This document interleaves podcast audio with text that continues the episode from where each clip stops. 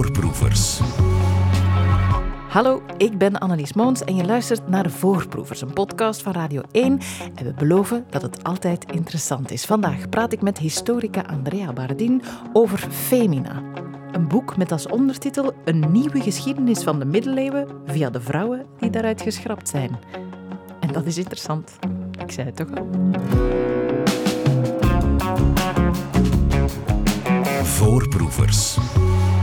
Jeanne d'Arc, die ken je. Maar ken je uh, Athelflaed? Uh, ken je de Birka-strijdster en Jadigua?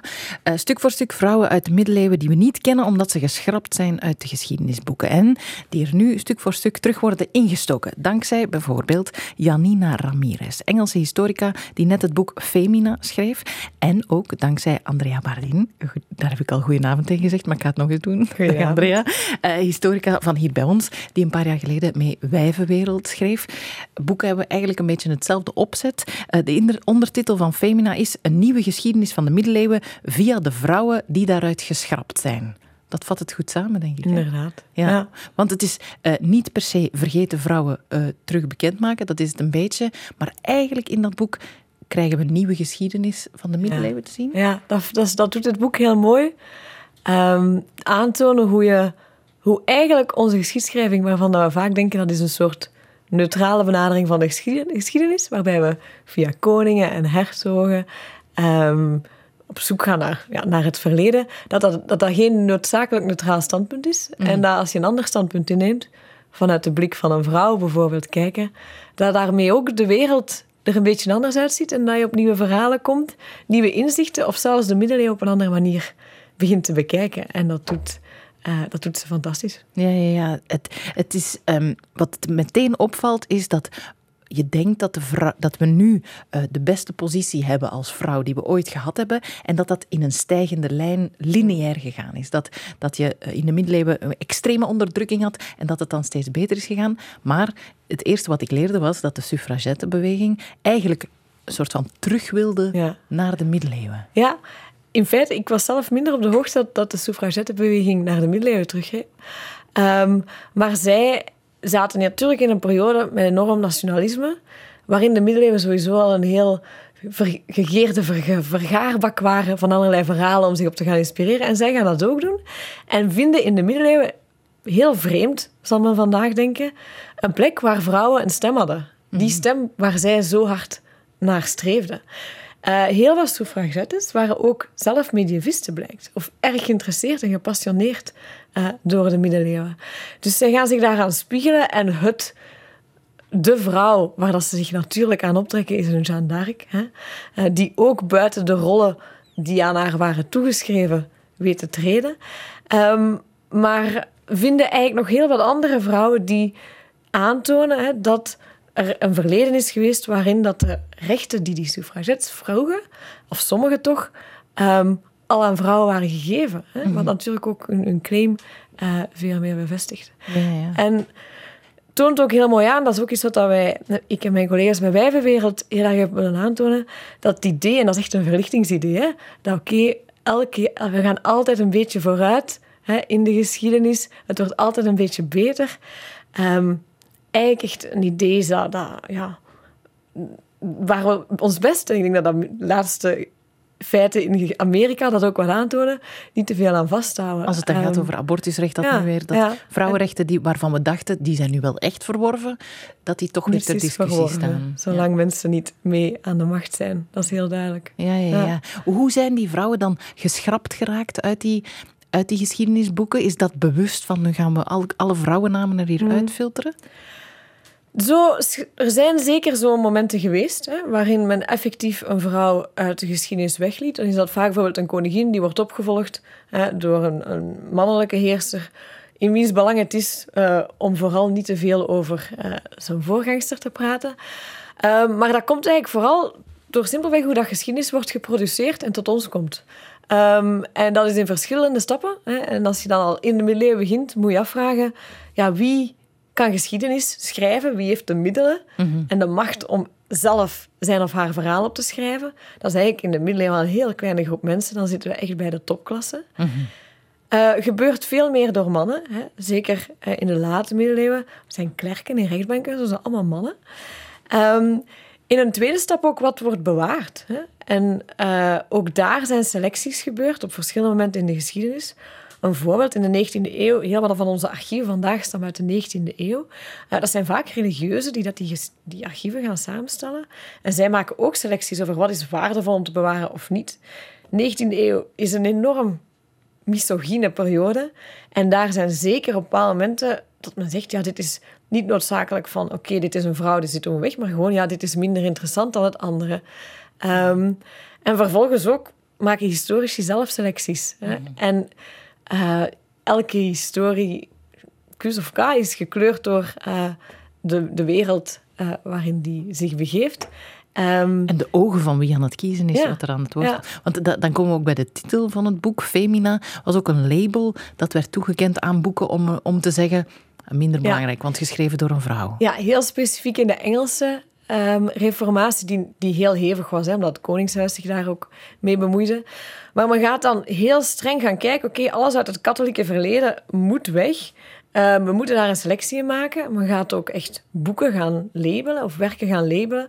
Uh, men labelt ja, wat... Uh, uh, ja, wat, wat zever was, hè, wat uh, te katholiek was. En ook effectief een label femina dat men daarnaast schrijft, wat aangeeft dit is door vrouwen geschreven en daardoor minder waard. En zo zijn wellicht een heel aantal werken verloren gegaan. En dit boek geeft een heel mooi idee of doet ons een beetje dromen van wat, welke stemmen kunnen we vandaag niet meer horen, maar moeten we wel hebben rondgelopen in de middeleeuwen. Ja, of waar, hoe, waar kunnen we nog gaan zoeken om nog meer van deze stemmen uh, terug te, te, kunnen horen? Want er zijn wel wat mensen die toch redelijk bekend, we gaan het straks ongetwijfeld over Hildegard van Bingen hebben, die mensen wel kunnen kennen of die iets bekender is gebleven. Um, hoe komt dat dan dat iemand zoals zij wel tot bij ons geraakt? Zij was ja, een een, in, in haar tijd een enorme beroemdheid. En heeft ook, misschien een beetje toeval, heeft gigantisch lang geleefd. Hè. Is 81 geworden. Um, en daardoor heeft ze ook heel wat werken geproduceerd die in haar tijd al echt succes hadden. Mm zij is een van de weinige uh, middeleeuwse auteurs waarin tijdens haar leven al een compilatie is gemaakt van haar, allerbeste werken.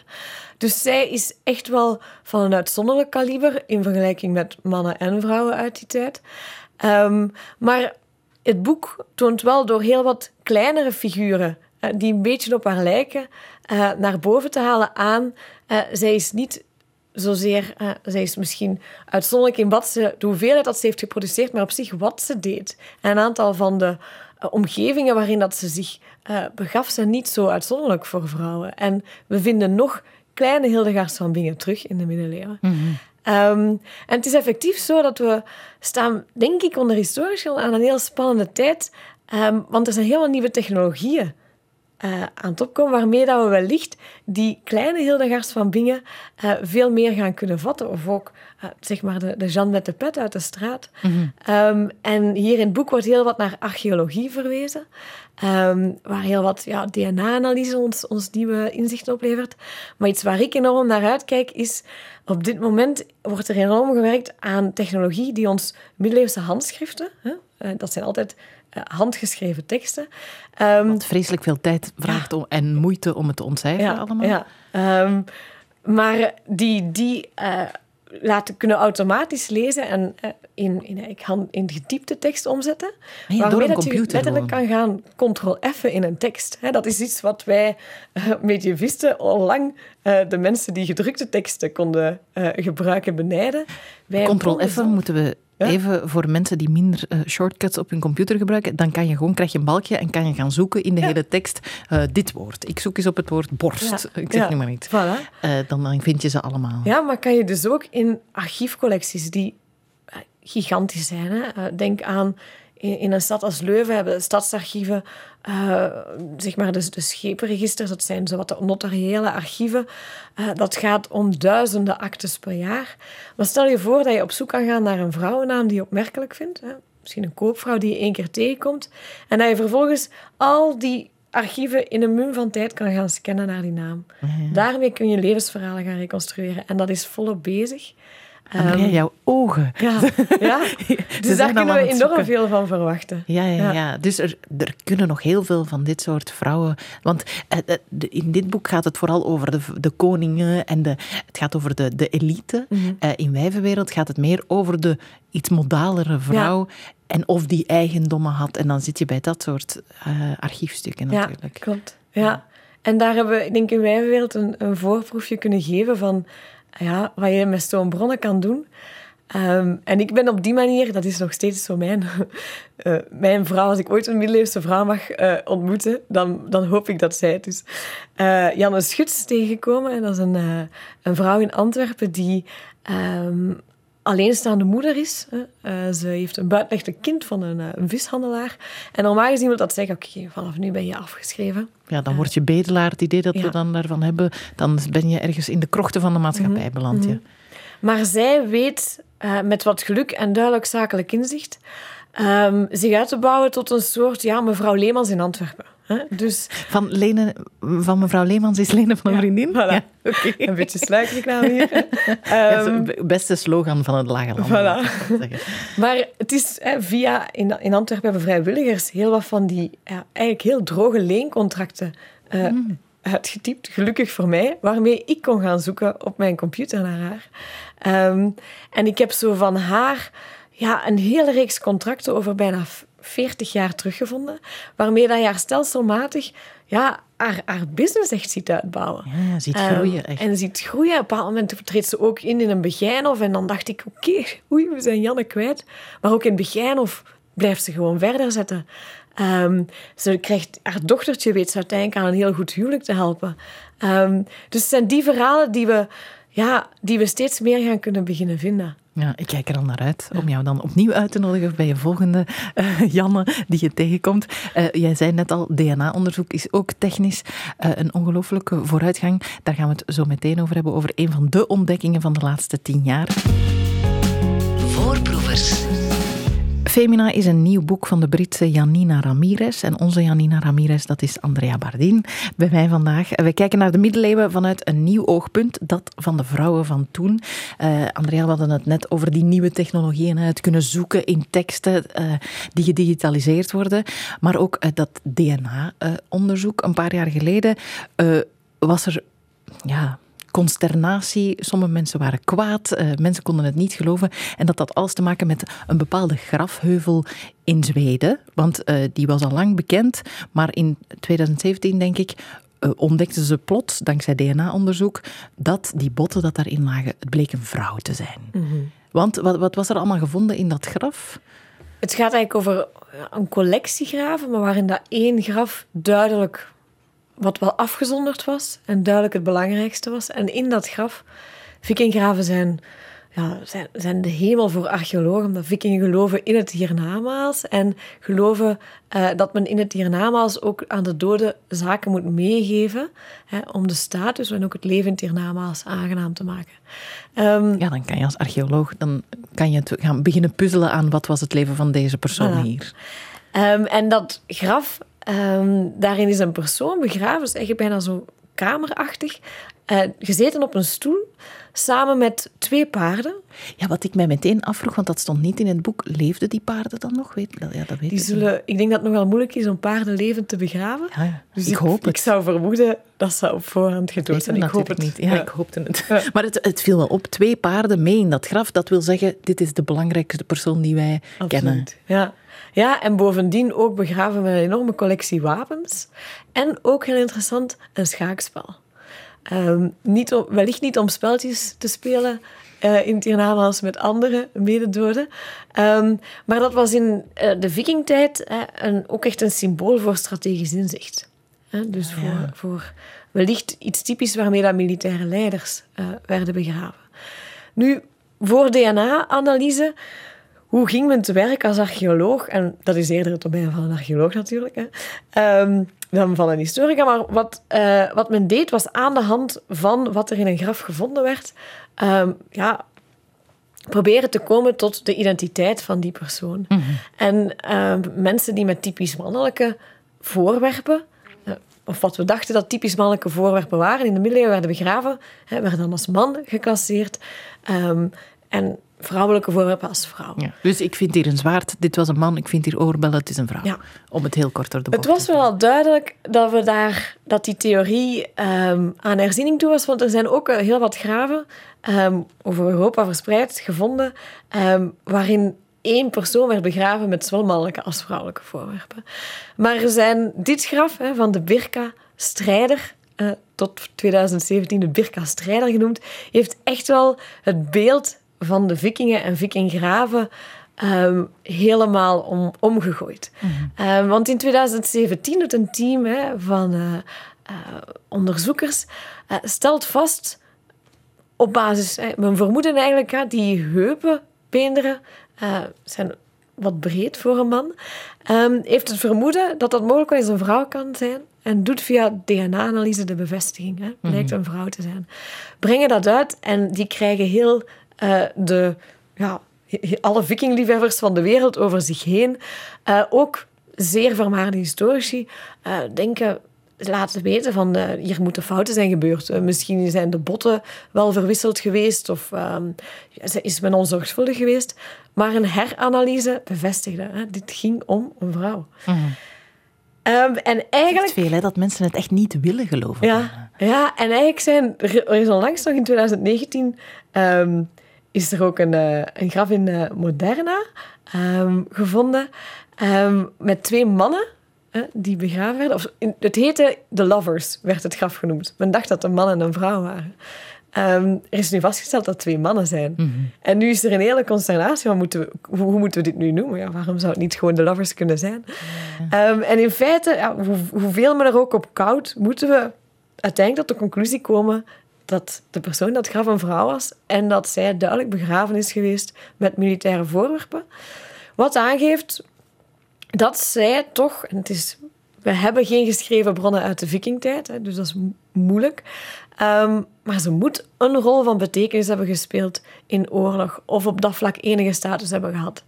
En dat is Of veel status, als het het allerbelangrijkste Ja, graf van, ja. van de hele plek.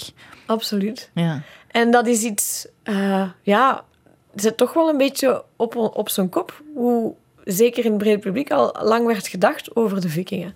Ehm, het beeld van vikingen is dat van eh, woeste, vuile strijders eh, met ook horens op hun eh, helmen enzovoort. Ook dat is een mythe. Ook dat van dat vuil, want ze werden ook begraven met pincetten, kammen en lepeltjes voor het Ja. verwijderen van Ja. oorsmeer. Ja, Dan ben je een propere mens hè, als je die dingen de- meeneemt in je graf. De vikingen zijn wellicht onder de middeleeuwers een van de kunnen de titel van de meest misbegrepen middeleeuwers zeker claimen. Ja. En dat komt deels omdat zij zelf niet schreven. Hè. Het is pas in de 12e eeuw dat hun mondeling overgeleverde verhalen zijn, eh, zijn opgeschreven. Dus heel wat van wat we van hen weten is van hun vijanden. Hè. Dus we kijken echt door die bril van die vijanden. Ehm, en er werd heel lang verondersteld hè, dat vikingvrouwen thuis bleven aan de haard en zich niet zozeer mengden in die strijd. Ehm, maar er komen steeds meer bewijzen dat ze dat wel deden. En in feite geven een aantal sagen, hè, dat zijn nu mondelinge verhalen, ook wel aan dat, dat, dat, dat er eh, belangrijke vikingvrouwen zijn geweest. Wat we vermoeden is, eh, vikingen hebben eigenlijk in twee golven bewogen. Eerst was er een, ja, een verover, een golf die echt op plunderingen hè, was ehm, gericht, waarbij men naar Engeland of IJsland ging, daar plunderde, terugkeerde, met die rijkdom status opeiste. Maar er is een tweede golf hè, van kolonisering. En daarin hebben vikingvrouwen, gingen zij zeker mee, speelden zij een rol en hebben zij ook echt eh, ja, groepen van mannen, legers van mannen, eh, aangevoerd. Ja. Ja, Nog veel ontdekkingen te doen, ook daar, denk ik dan. absoluut. Ehm, het, het omgekeerde, want je zegt ja, die schreven zelf eh, nog niet op. Het omgekeerde, daar hadden we het daarnet al heel even over, is mijn nieuwe idool, eh, Hildegard von Bingen. Want die schreef zelf heel veel. Je zei al, ze werd eh, 81. Ehm, i- Iemand hier op de redactie die zei, ah ja, ik ken die ook, want ehm, dat is iemand die veel bezig is met kruiden. Dat is één van de domeinen. Maar ze was, ik lees even voor, hij componiste, mystica, dichteres, wetenschapster. Een soort Leonardo da Vinci uit de middeleeuwen eigenlijk. Ja, echt zo'n all-around wetenschapper, intellectueel. Iemand anders zei tegen mij, het is een beetje de Beyoncé eh, van de middeleeuwen. De queen, queen van Bingen dan. Eh, eh, ehm, eh, waar moeten we beginnen als het over haar gaat? Dat vind ik fantastisch, omdat ze eigenlijk... ehm, ze heeft visioenen als peuter, daar begint het eigenlijk. Hè? Ja, ja. Ehm, al haar ouders geven aan, of dat wordt toch in haar verteld, hè, vertelt ze zelf, ehm, dat al als kind duidelijk was dat dat een redelijk uitzonderlijk eh, meisje was. Sowieso is ze uitzonderlijk. Haar ouders zijn, horen echt bij de top van de samenleving. Hè. Ze groeit op in de adel. Maar als kind zou ze visioenen moeten hebben gehad. Ehm, en zoals heel vaak bij adellijke meisjes gebeurt, wordt ze um, op laat in een klooster. Dus ze wordt als kind afgestaan aan een klooster. En ja, geeft daar duidelijk blijk, ook al op jonge leeftijd, van uh, heel sterke intellectuele uh, vaardigheden. Um, blijft ook die visioenen hebben. Ja, want een van die visioenen is heeft te maken met een koe die in de tuin staat, die is zwanger. En ze zegt, ja, uh, zie jij ook dat er een kalf in zit met die, die en die plekken en zo zwart en daar zo. En het kalf wordt geboren en het is effectief exact wat ze beschreef. Voilà, ja, dus dat is een van haar, uh, haar kind, kindvisioenen. Ja. ja. um, maar het is daar dat zij eigenlijk al snel opklimt in die kloostergemeenschap en ook uh, tot abdus wordt, uh, wordt verkozen, wat, uh, wat aangeeft dat er een, de gemeenschap van vrouwen daar haar vertrouwde. En dan ja, heeft ze eigenlijk echt een, een bliscarrière in de middeleeuwen. Mm -hmm. um, als je kijkt naar wie, met wie dat zij converseerde, wie haar bezoekt, dat zijn de, ja, de grote der aarde van toen. dat zijn namen als, vandaag klinkt dat niet zo hip, maar Bernardus van Clairvaux, dat is de stichter van de Benedictijnenorde uh, pausen die haar steunen. Um, ze geeft heel uh, onbevreesd raad aan Frederik Barbarossa. Keizer van het Heilige Roomse Rijk. ja, want dat onbevreesde en dat ze, het is niet dat ze op haar mond gevallen is. Hè. Ze spreekt men, die, al die grote mannen aan op wat jij daar doet. dat vind ik toch niet, niet ja, wat je moet ja. aan het doen zijn. En, de, het, ja, je zou denken dat, ze, dat de mond gesnoerd wordt. Ja, en ik denk dat ze in het begin van haar carrière ook wel voorzichtiger is geweest. Hè. Um, op dat moment zie je haar ook, als ze, als ze dan schrijft, dat ze bijvoorbeeld een aantal keer verwijst naar uh, zichzelf als vrouw en aangeeft, hè, bescheidenheid aangeeft. Dat is nu ook wel een heel typische stijlfiguur in de middeleeuwen, maar verwijst naar dat ze als vrouw van zwakke geslacht is en beperkt is in haar vaardigheden. Um, maar geleidelijk aan en wellicht ook met dat ze echt ja, gesteund wordt door ja, de, de grote mensen uit die tijd, um, ja, wordt, ze, wordt ze onbevreesd. Um, en wordt ze duidelijk ook geapprecieerd. Mensen vragen haar om raad. Mm -hmm. um, en ze heeft zeker wel wat tegenstand gehad. In, in een brief naar de paus verwijst ze daar ook naar. wordt ja, natuurlijk, zeker wie dergelijke visioenen heeft in die tijd, wie visioenen had, wij vragen ons af, wat is er hier eigenlijk aan de hand? Oh ja, dan denk je bijna, uh, dat ze zou als heks bestempeld worden ja, in die tijd. Maar nee, daar moet ik heel streng op zijn. Heksen hebben in de middeleeuwen niet bestaan. Dat is ook een van die vele uh, verwijten die aan de middeleeuwen gaan, maar die eigenlijk de nieuwe tijd moet krijgen. En okay, vervolgingen ja. is iets van de eind 16e eeuw. Uh, maar Ketter was wel een realistisch verwijt.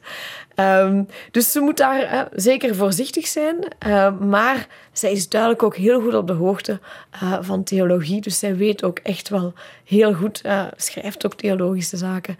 Um, maar ze schrijft ze wel en niet kan zeggen. Over een soort goddelijke liefde die heel vrouwelijk mm -hmm. is. En heel... Ja. Het, het, het, het neigt voor mij, als ik het lees, meer naar het spirituele dan naar het christelijke bijna. Maar dat is dan vanuit nu dat ik dat... Op zich, ja, dat is... In de middeleeuwen is dat op zich een, een godsbeeld dat niet zo uitzonderlijk is. We zien dat nog wel terugkomen, zeker bij ook een aantal vrouwelijke uh, mystici. Uh, maar zij beschrijft eigenlijk inderdaad...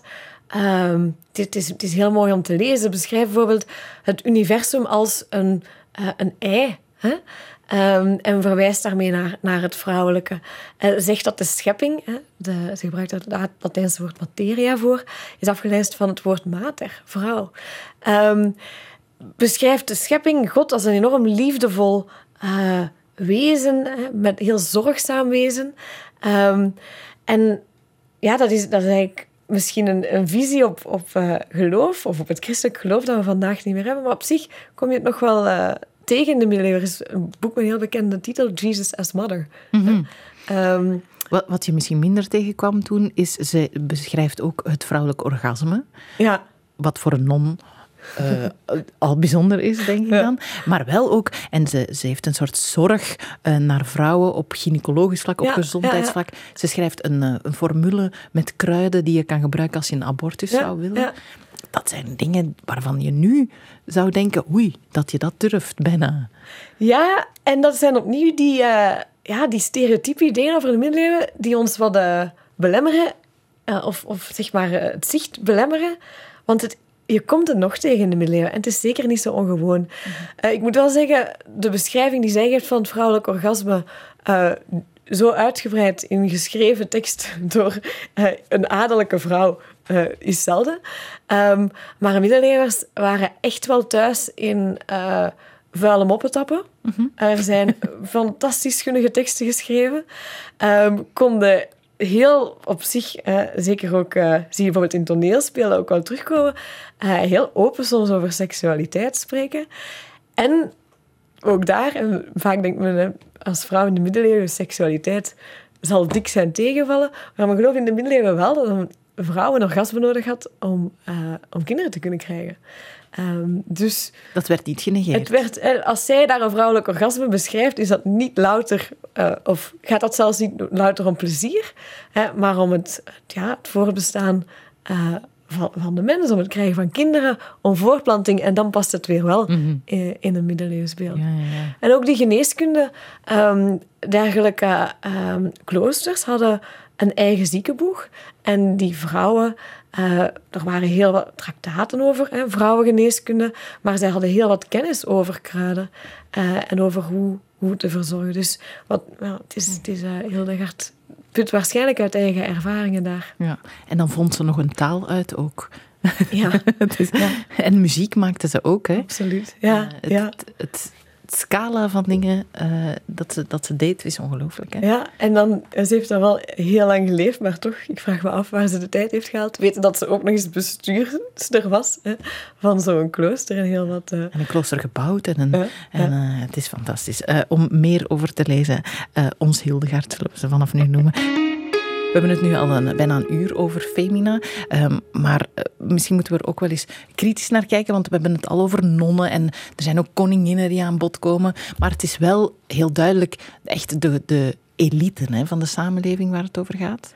Klopt. Ehm, in het boek, ze probeert hè, een beetje een beeld te krijgen op de middenklasse, armere vrouwen. Dat is sowieso een groep die moeilijk in beeld te brengen is door historici, maar ik Zo. denk dat wij met Wijvenwereld wel hebben getoond dat het kan. Want veel groepen eigenlijk, hè? want je zou hetzelfde kunnen zeggen over eh, etniciteit, Absoluut, over, eh, ja. over mensen met een handicap. Veel groepen waar we weinig over weten. Ja, ehm, en dat zijn natuurlijk ook vaak verhalen die iets droger zijn eh, en bronnen die veel, heel veel tijd vragen om, om je daarin te duiken. Want dan Ehm, zit je bij wat voor bronnen? Ja, dan zit je vaak eh, bij echt heel seriële documenten, dus echt droge contracten, waarvan dat je een hele hoop eh, er moet doorsputten, ze in de eerste plaats vinden. Ehm eer je bij die verhaal terecht komt, toch wel...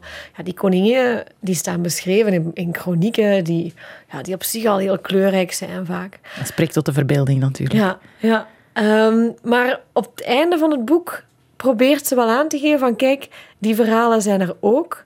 En eigenlijk valt daar nog een schat aan informatie te halen. En dat vind ik wel heel mooi dat ze dat doet. Eh, daar gaat ze opnieuw terug naar de, DNA-analyse. Ehm, en bespreekt ze ook een recente archeologische vos- eh, vondst in, eh, in Londen, waarbij een, een graf van een ja, massagraf van 300-tal mensen die aan de pest zijn gestorven, hè, wordt geanalyseerd. En daar, ehm, via DNA-analyse, maar ook analyse van de tanden, ehm, wordt vastgesteld dat 29% van die mensen geen Europese roots heeft, maar Aziatisch of Afrikaans. Ehm, zeven van die mensen, een kleine groep, moet uit Zwart-Afrika afkomstig zijn geweest. En als we één beeld hebben van de middeleeuwen dat toch nog echt sterk stand houdt, is dat het wit was hier in Europa. Maar zo'n vondsten wijzen op de aanwezigheid van mensen waarvan dat we weten die gaan wellicht nooit hebben geschreven. Hè? Of we gaan wellicht ook zelfs heel moeilijk contracten kunnen vinden van hem. Ehm, maar het toont wel aan dat zij aanwezig waren in Londen. En het is duidelijk, hè, Uh, een van de, de, skeletten die gevonden is, is van een vrouw die moet zijn opgegroeid in Afrika. Hè, want uit haar tanden blijkt dat ze een ander dieet heeft gehad uh, dan andere mensen die zijn gevonden. Uh, maar latere leeftijd in Londen is aangekomen. En het is moeilijk om te weten hoe. Mm -hmm. is dat vrijwillige migratie geweest of niet? Maar het toont aan dat die steden wel bevolkt werden door ja, een heel diverse groep van mensen, waarvan dat we hopelijk de stem ooit wel gaan weten te, te recupereren. In Amsterdam um, slaagt men opnieuw hè, via uh, die vrijwilligers die actes transcriberen, erin om nu van de 16e, 17e eeuw de eerste zwarte gemeenschap uh, daar de geschiedenis van te, te reconstrueren via huwelijkscontracten en ja, opnieuw die drogere contracten. Mm. Um, ik denk dat dat een stem is um, waar op zich al wat werk uh, is geleverd in het verleden, maar er ligt nog heel wat werk voor ons. Uh, en dat gaan andere verhalen zijn, niet de spectaculaire verhalen, um, over uh, legeraanvoerders en, uh, en diplomatieke missies bijvoorbeeld. Mm -hmm. maar het gaan verhalen van alle dag zijn. En die gaan ook op hun manier spectaculair zijn. En misschien het mooie is wel, die tonen aan, zij haalt echte uitzonderlijke vrouwen eruit. Dat is denk ik de belangrijkste kritiek die je op haar boek kunt hebben.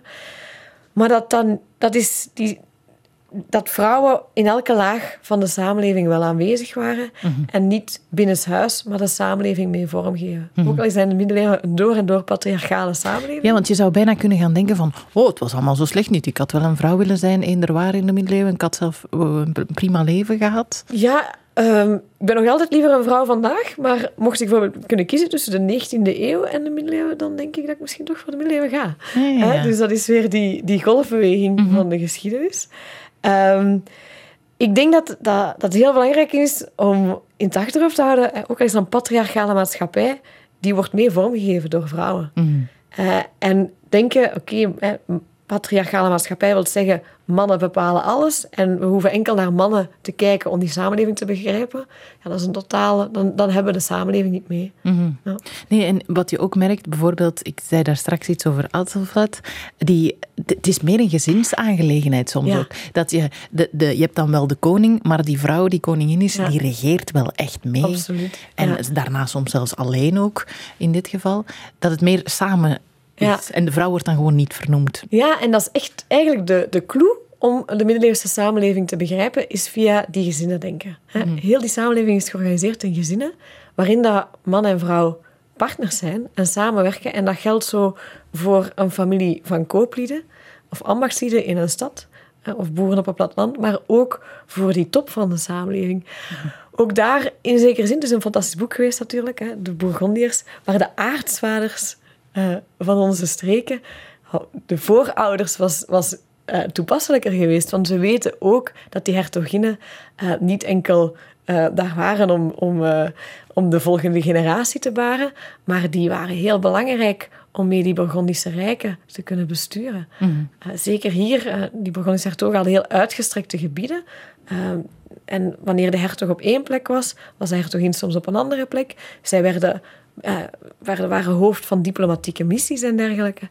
Um, dus je hebt dat duo nodig om te begrijpen hoe dat die maatschappij op elk niveau uh, van macht functioneerde. Ja, ja, terwijl wij soms denken het was alleen maar trouwen met, omdat er dan die gebieden bij kwamen. En dan, maar uh, ze hadden hun eigen rol. Als het over diplomaten gaat, we, hebben ze maar, we gaan ze maar kort vernoemen, moeten we naar Polen voor uh, Jadigwa. Ja. Daar wereldberoemd, maar ook hier.